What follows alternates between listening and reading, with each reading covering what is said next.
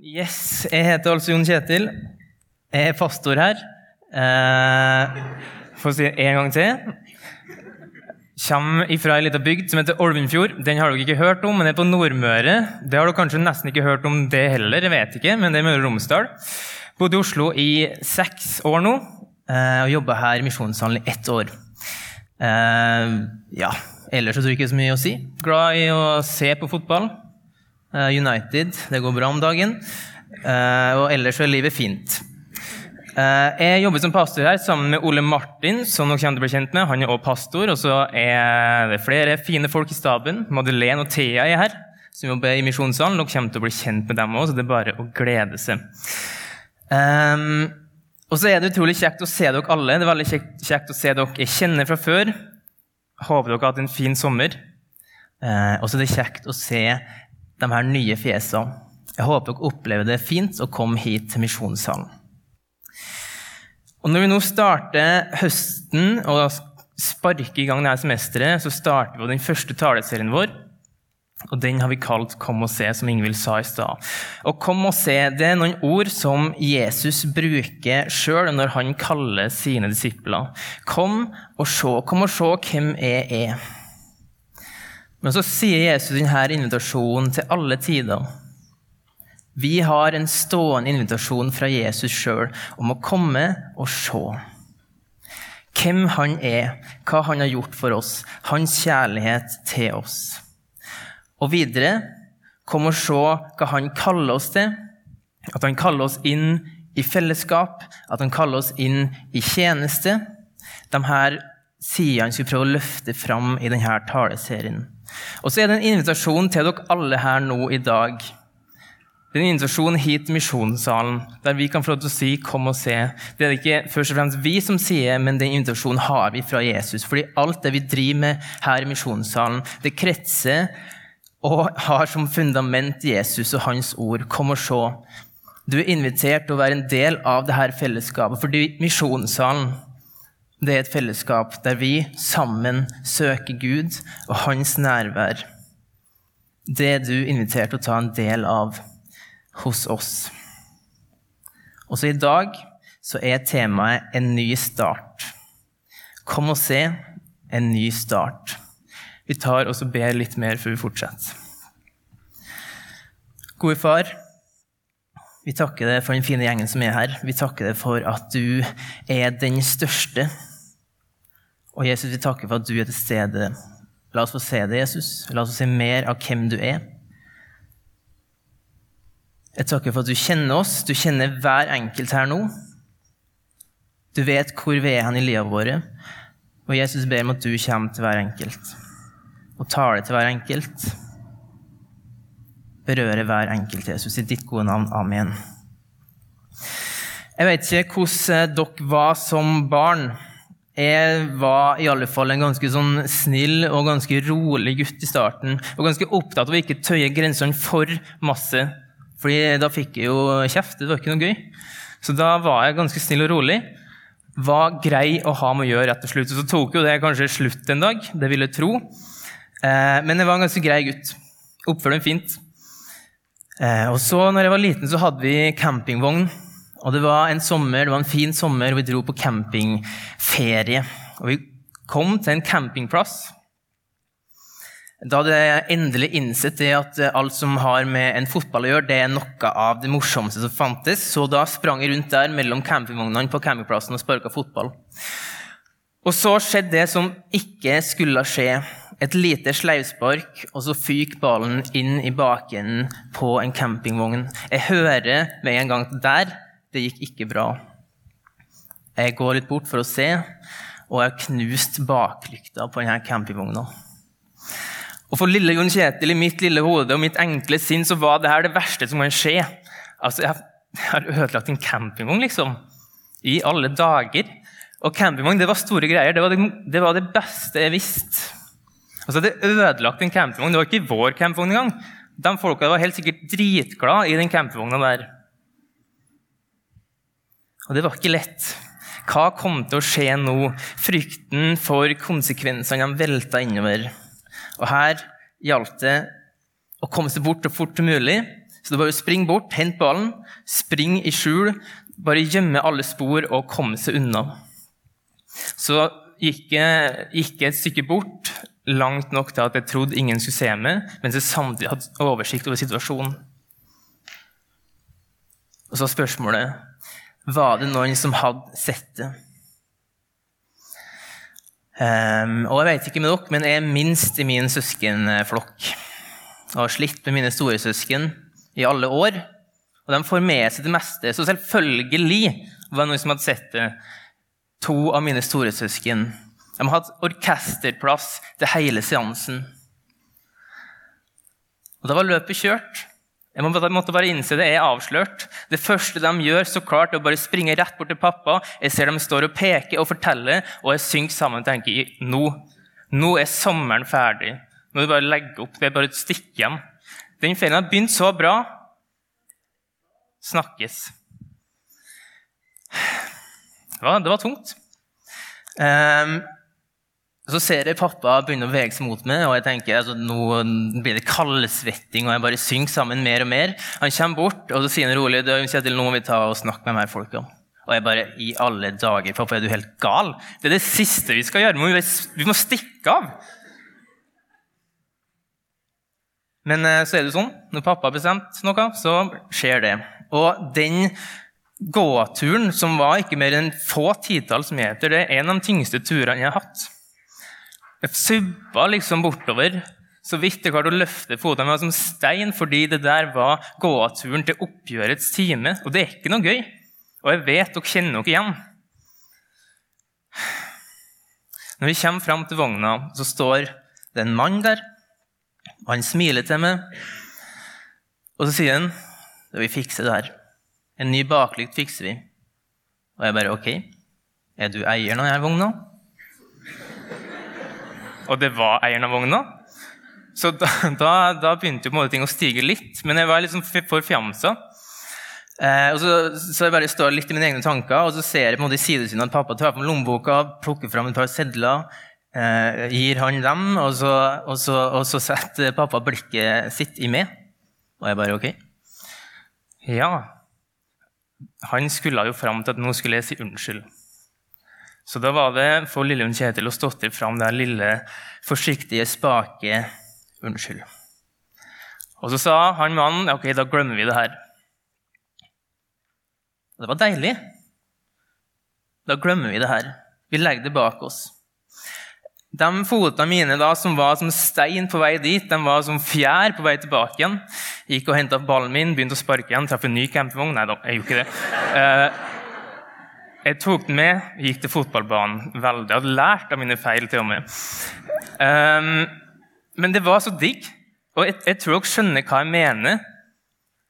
Denne, de her opplevelsene vi har når vi får lov til å Altså, Vi har et eller annet som er så tungt. Det her var dritt. Så vi får å komme, legge det fra oss, si ok, vi glemmer det her, og så gå videre. Det er frihet. Det er en ny start. Og kanskje er det det vi alle egentlig trenger. Jesus han fortalte en gang en lignelse. Den står i Lukas 15. Altså, vi merker oss det aller først, hvem Jesus forteller denne lignelsen til. I starten av Lukas 15, i vers 1-2, står det om at tollerne og synderne holdt seg nær til Jesus for å høre ham.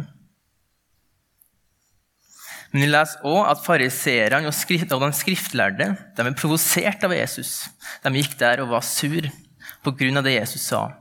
Så vi har to grupperinger, på en måte, grovt sett, når Jesus forteller denne lignelsen. Det er tollerne og synderne og de skriftlærde fariseerne. Og tollerne folkens, det var ikke noen hvem som helst Israels, i Israel på Jesu tid. Um, de var kanskje blant de aller minst godtatte i samfunnet. For det var ikke nok med at de her tollerne kanskje tok litt ekstra toll til å putte i lomma si. Men de her tollerne de jobba for Romerriket. De jobba for okkupasjonsmakta. Alle jøder ville jo frigjøre seg fra, de her, fra denne okkupasjonen. Men så var det sånn I gamle dager, holdt på å si, på denne tida, når et land var okkupert, hvordan skulle man holde kontrollen i et land? Man hadde masse penger, slik at man kunne etablere sterk militærmakt, sterk eh, militær tilstedeværelse der. Ok, man trenger penger. Hvor fikk de pengene fra? Tollerne. Tollerne var helt de var, altså, Det var dem som skaffa pengene slik at Israel levde i okkupasjonen, og at Israel hadde romerske soldater som gikk rundt og hadde kontrollen. Og Da kan dere tenke dere hvordan tollerne ble sett på på Jesu tid. De var så intenst hata. Og de visste det sjøl. De visste hva de drev med. De visste at det de gjorde, ikke var bra. Men det var kanskje noe som frista meg da. De fikk status, de fikk masse penger. På den andre sida, fariseere og skriftlærere, hva var de? Jo, de var de som kunne alt. Og De var stolt og de var egenrettferdige, for de trodde at hvis jeg, eh, jeg, jeg kan loven, så hvis jeg følger den, så er det Gud. Da liker Gud meg. De, slik var fariseere og de skriftlærde. Det er de to grupperingene som var der. Og Så forteller Jesus om en mann som hadde to sønner. Den yngste kom en dag til faren og ba om arven som tilhørte han. Og Allerede her så skjer det noe som vi skal merke oss. Hva som skjer her. Når den yngste sønnen går og ber faren om arven på forskudd, så sier han egentlig til faren, 'Du som dør for meg'.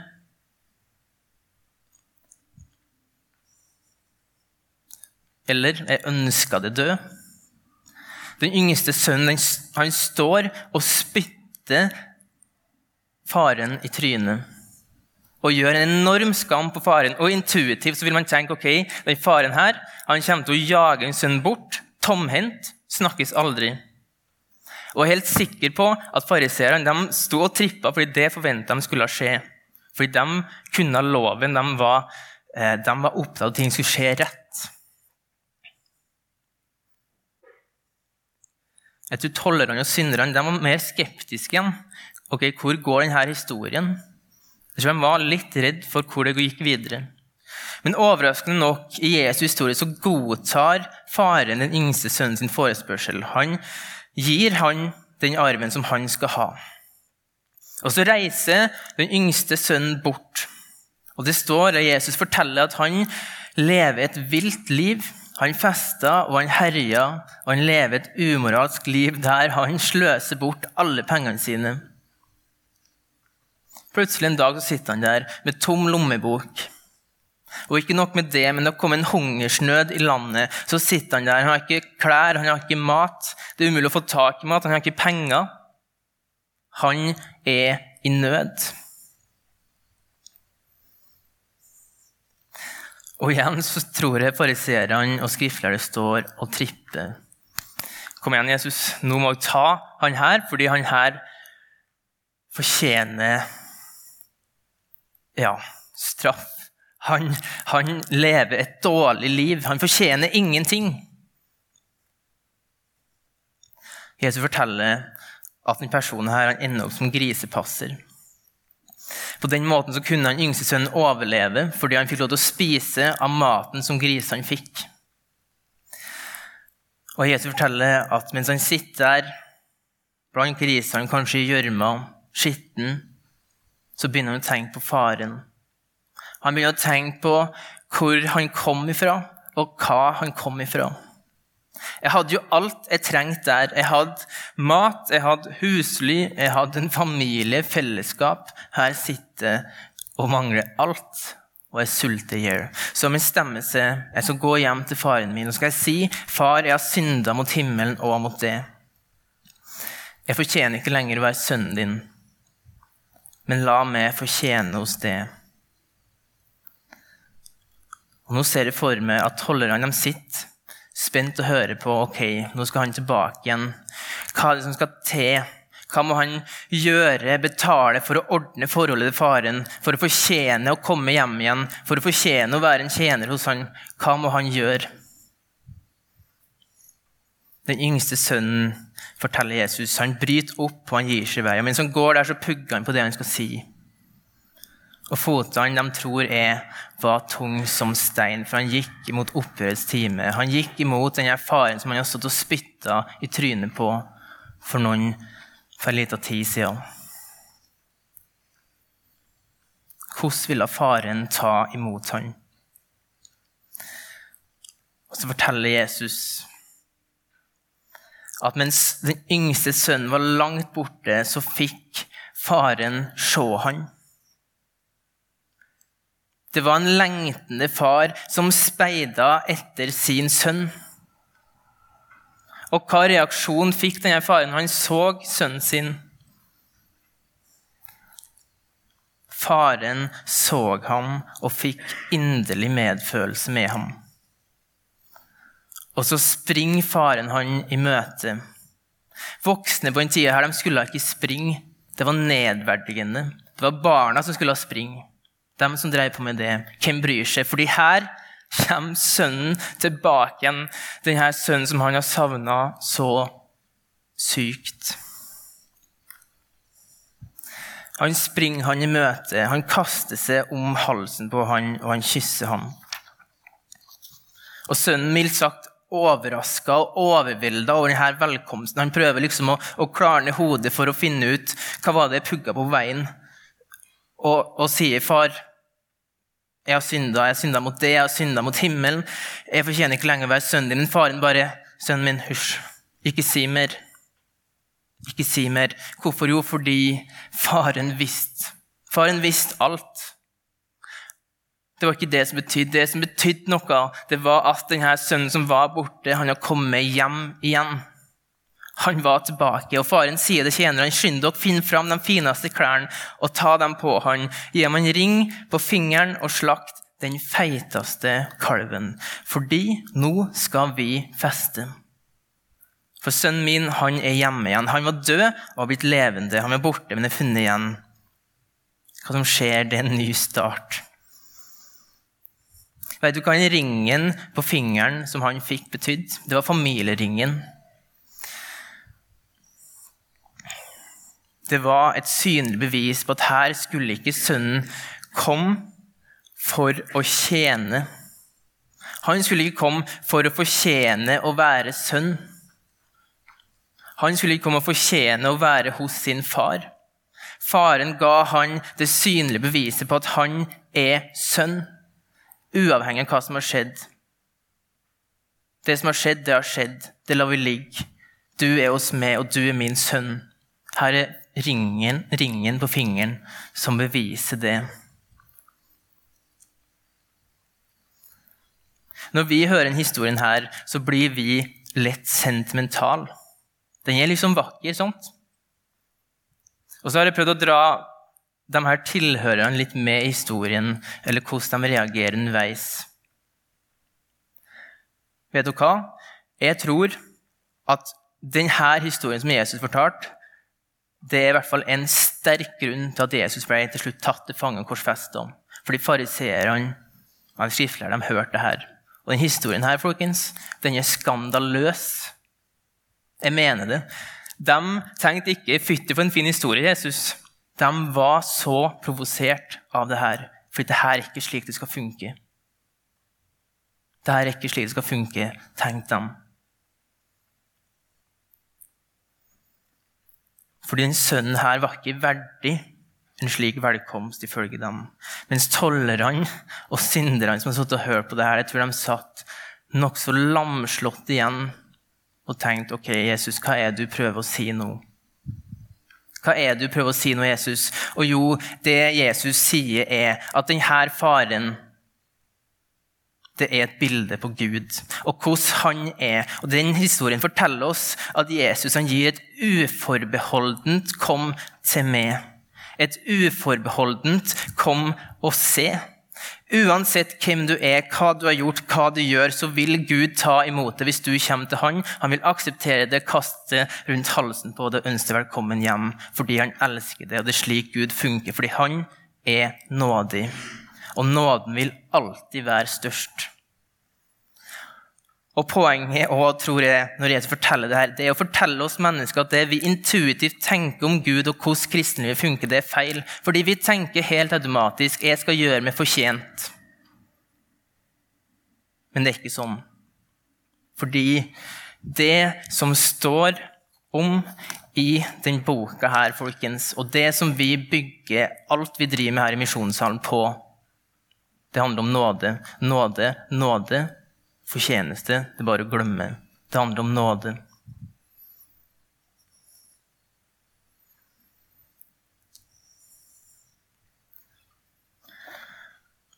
Men historien forteller jo ikke bare om her yngste sønnen. Det handler om den eldre sønnen, den eldste. Og Han kommer inn igjen i bildet. Og hva skjedde med han? Han var hjemme hele veien.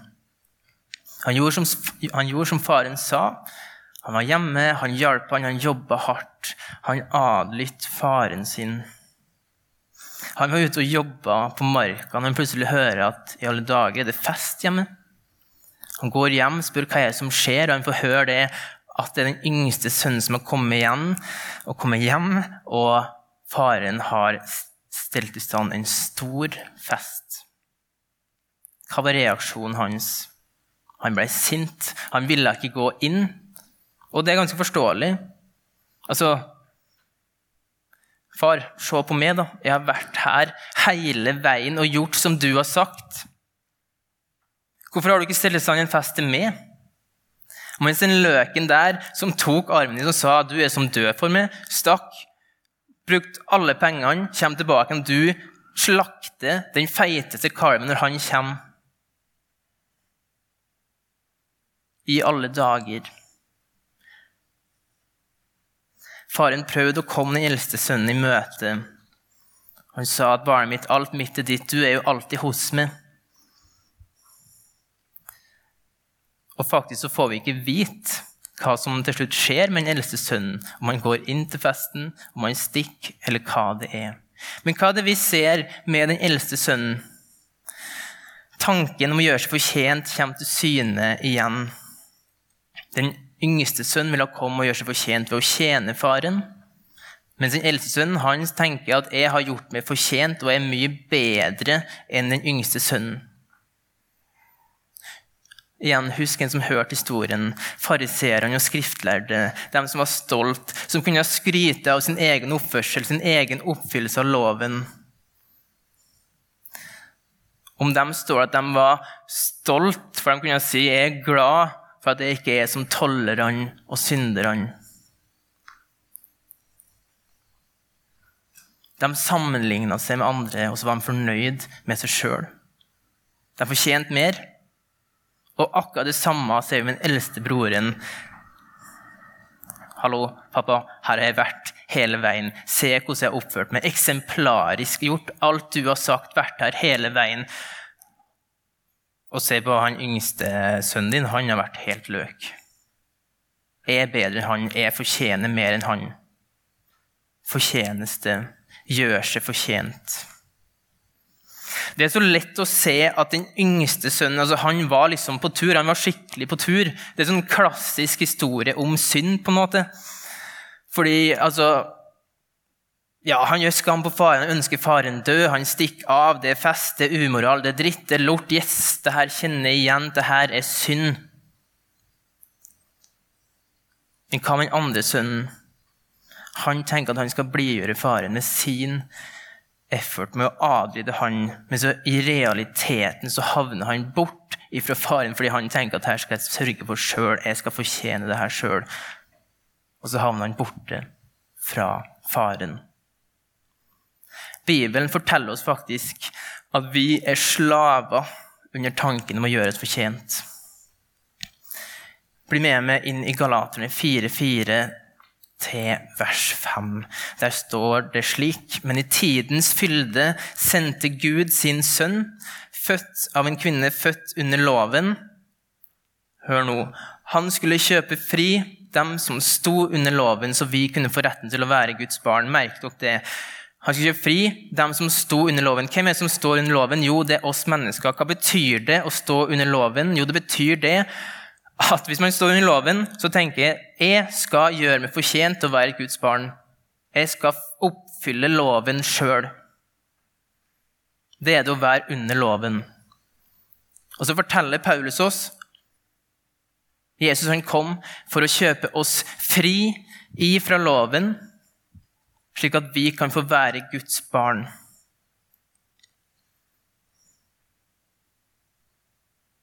Slik at vi kan komme ufortjent. Fordi han har oppfylt loven for oss, og så kan vi komme og bare ta imot med tomme hender. Fordi han har fiksa det. Det er sånn det funker. Jeg veit ikke hvor du er. Og hvis du tenker deg om, Jeg vet ikke hvem du tenker du ligner mest på i den historien som Jesus forteller.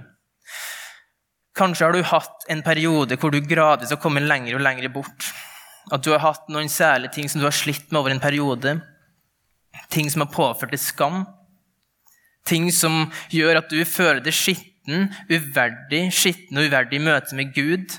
Ting som gjør at fotene dine kjennes tung ut når du skal gå på gudstjeneste, eller tung ut når du skal folde hendene og be, eller tung når du skal ta fram Bibelen, ting som hindrer deg i å søke Gud.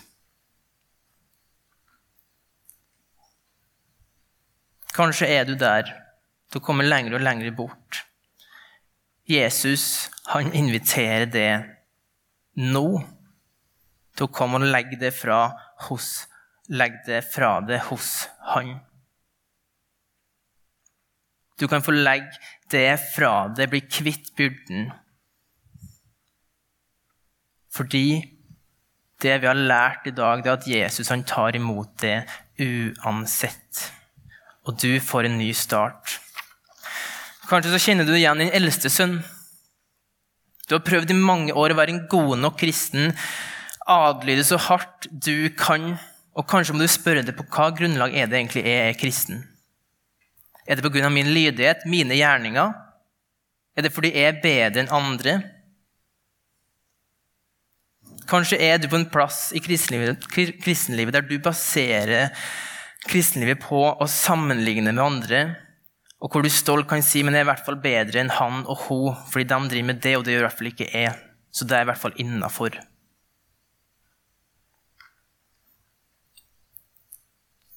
Jesus inviterer det som kjenner det igjen i det her, til å komme til han la det, la, og la det erfare Du skal få lov til å komme til han og erfare at alt, absolutt alt, er av nåde ufortjent, og du får en ny start hos Jesus.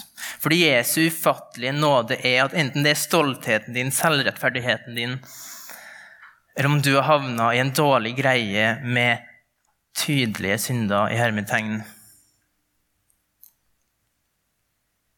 Gud inviterer det, og Gud tar imot det uansett. Kanskje så kjenner du ikke igjen i noen av dem.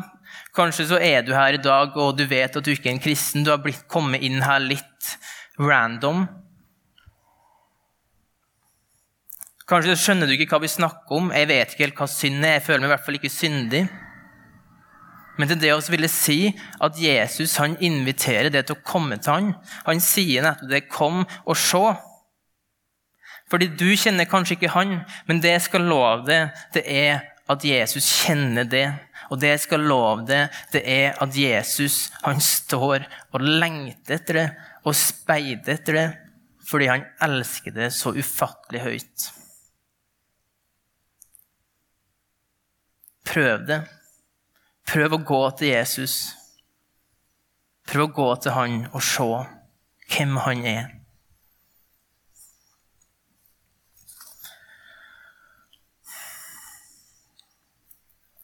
Vi la oss fra Galaterne 4,4 i stad.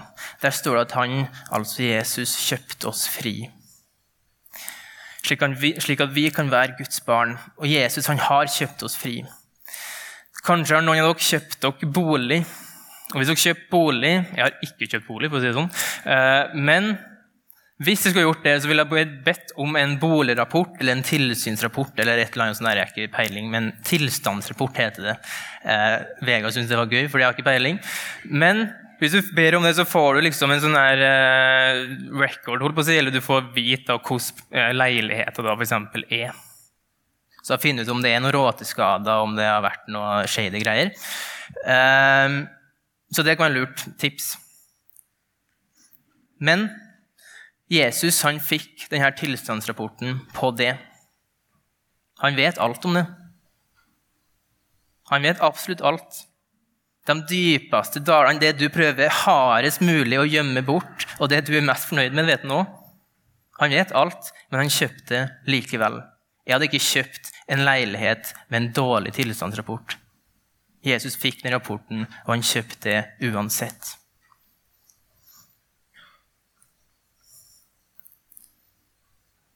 Fordi da han hang på korset, da visste han hva han betalte for. Han betalte for det. Han visste hva han kjøpte. Han kjøpte det fri, og han kjøpte det tilbake til seg. Og det var nettopp det som gjorde at han holdt ut. Det var det som gjorde at han holdt ut. Da naglene bora seg gjennom hender og føtter på Jesus på korset på Golgata, så var det det som holdt ut. At han visste at nå kjøper jeg fri de her menneskene. Han kjøpte fri det. Derfor holdt han ut.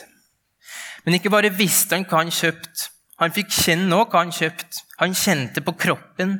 Han bar tyngden av det han kjøpte. Fordi da Jesus hang der, så tok han dommen over dine synder. Da han hang der, så seira han og betalte han for din stolthet. Han seira og betalte for dine løgner, for dine baktalelser, for din egoisme, for de gangene du gikk for langt med kjæresten, for at du behandla vennen din på en helt forferdelig måte, sjøl om du var en dust med foreldrene dine når du var 15.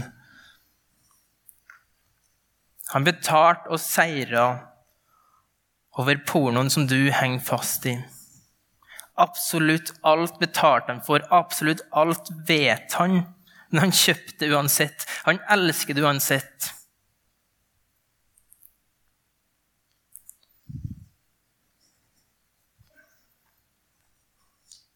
Tenk, tenk på hva, hvem Jesus er, hva han gjorde for det. Og så tar vi sammen invitasjonen hans på alvor. Kom og, se, kom og se. Kom til meg. Gå til Han. Slik at du kan leve som Guds barn hos Han. Og historien vi har hørt i kveld, den lærer oss at dit kan du gå. Uavhengig av fortid, uavhengig av nåtid vi kan komme uansett. Fordi de armene som Jesus strakte ut på korset, de favner absolutt alt i livet ditt. Til tollerne og til dere som merker at dere har vært på tur. Dere er på tur bort. Dere er borte, kanskje. Du har ikke gått for langt. Du er ikke så langt borte at nåden ikke rekker dem. Og til fariseerne og til det som kjenner på stoltheten og egenrettferdigheten. Jesus sier, 'Du trenger om min nåde. Kom til meg.' De armene som Jesus strakte ut på korset, de er fortsatt åpne. De står der, og de kommer til å være åpne. Klare til å ta imot det. Klare til å gi det en ny start, uansett hvor du er. Klare til å løfte byrden av det, til å ta imot det og si Velkommen hjem, datter. Velkommen hjem, sønn. Det er her du hører til. Det er her du kan få en ny start.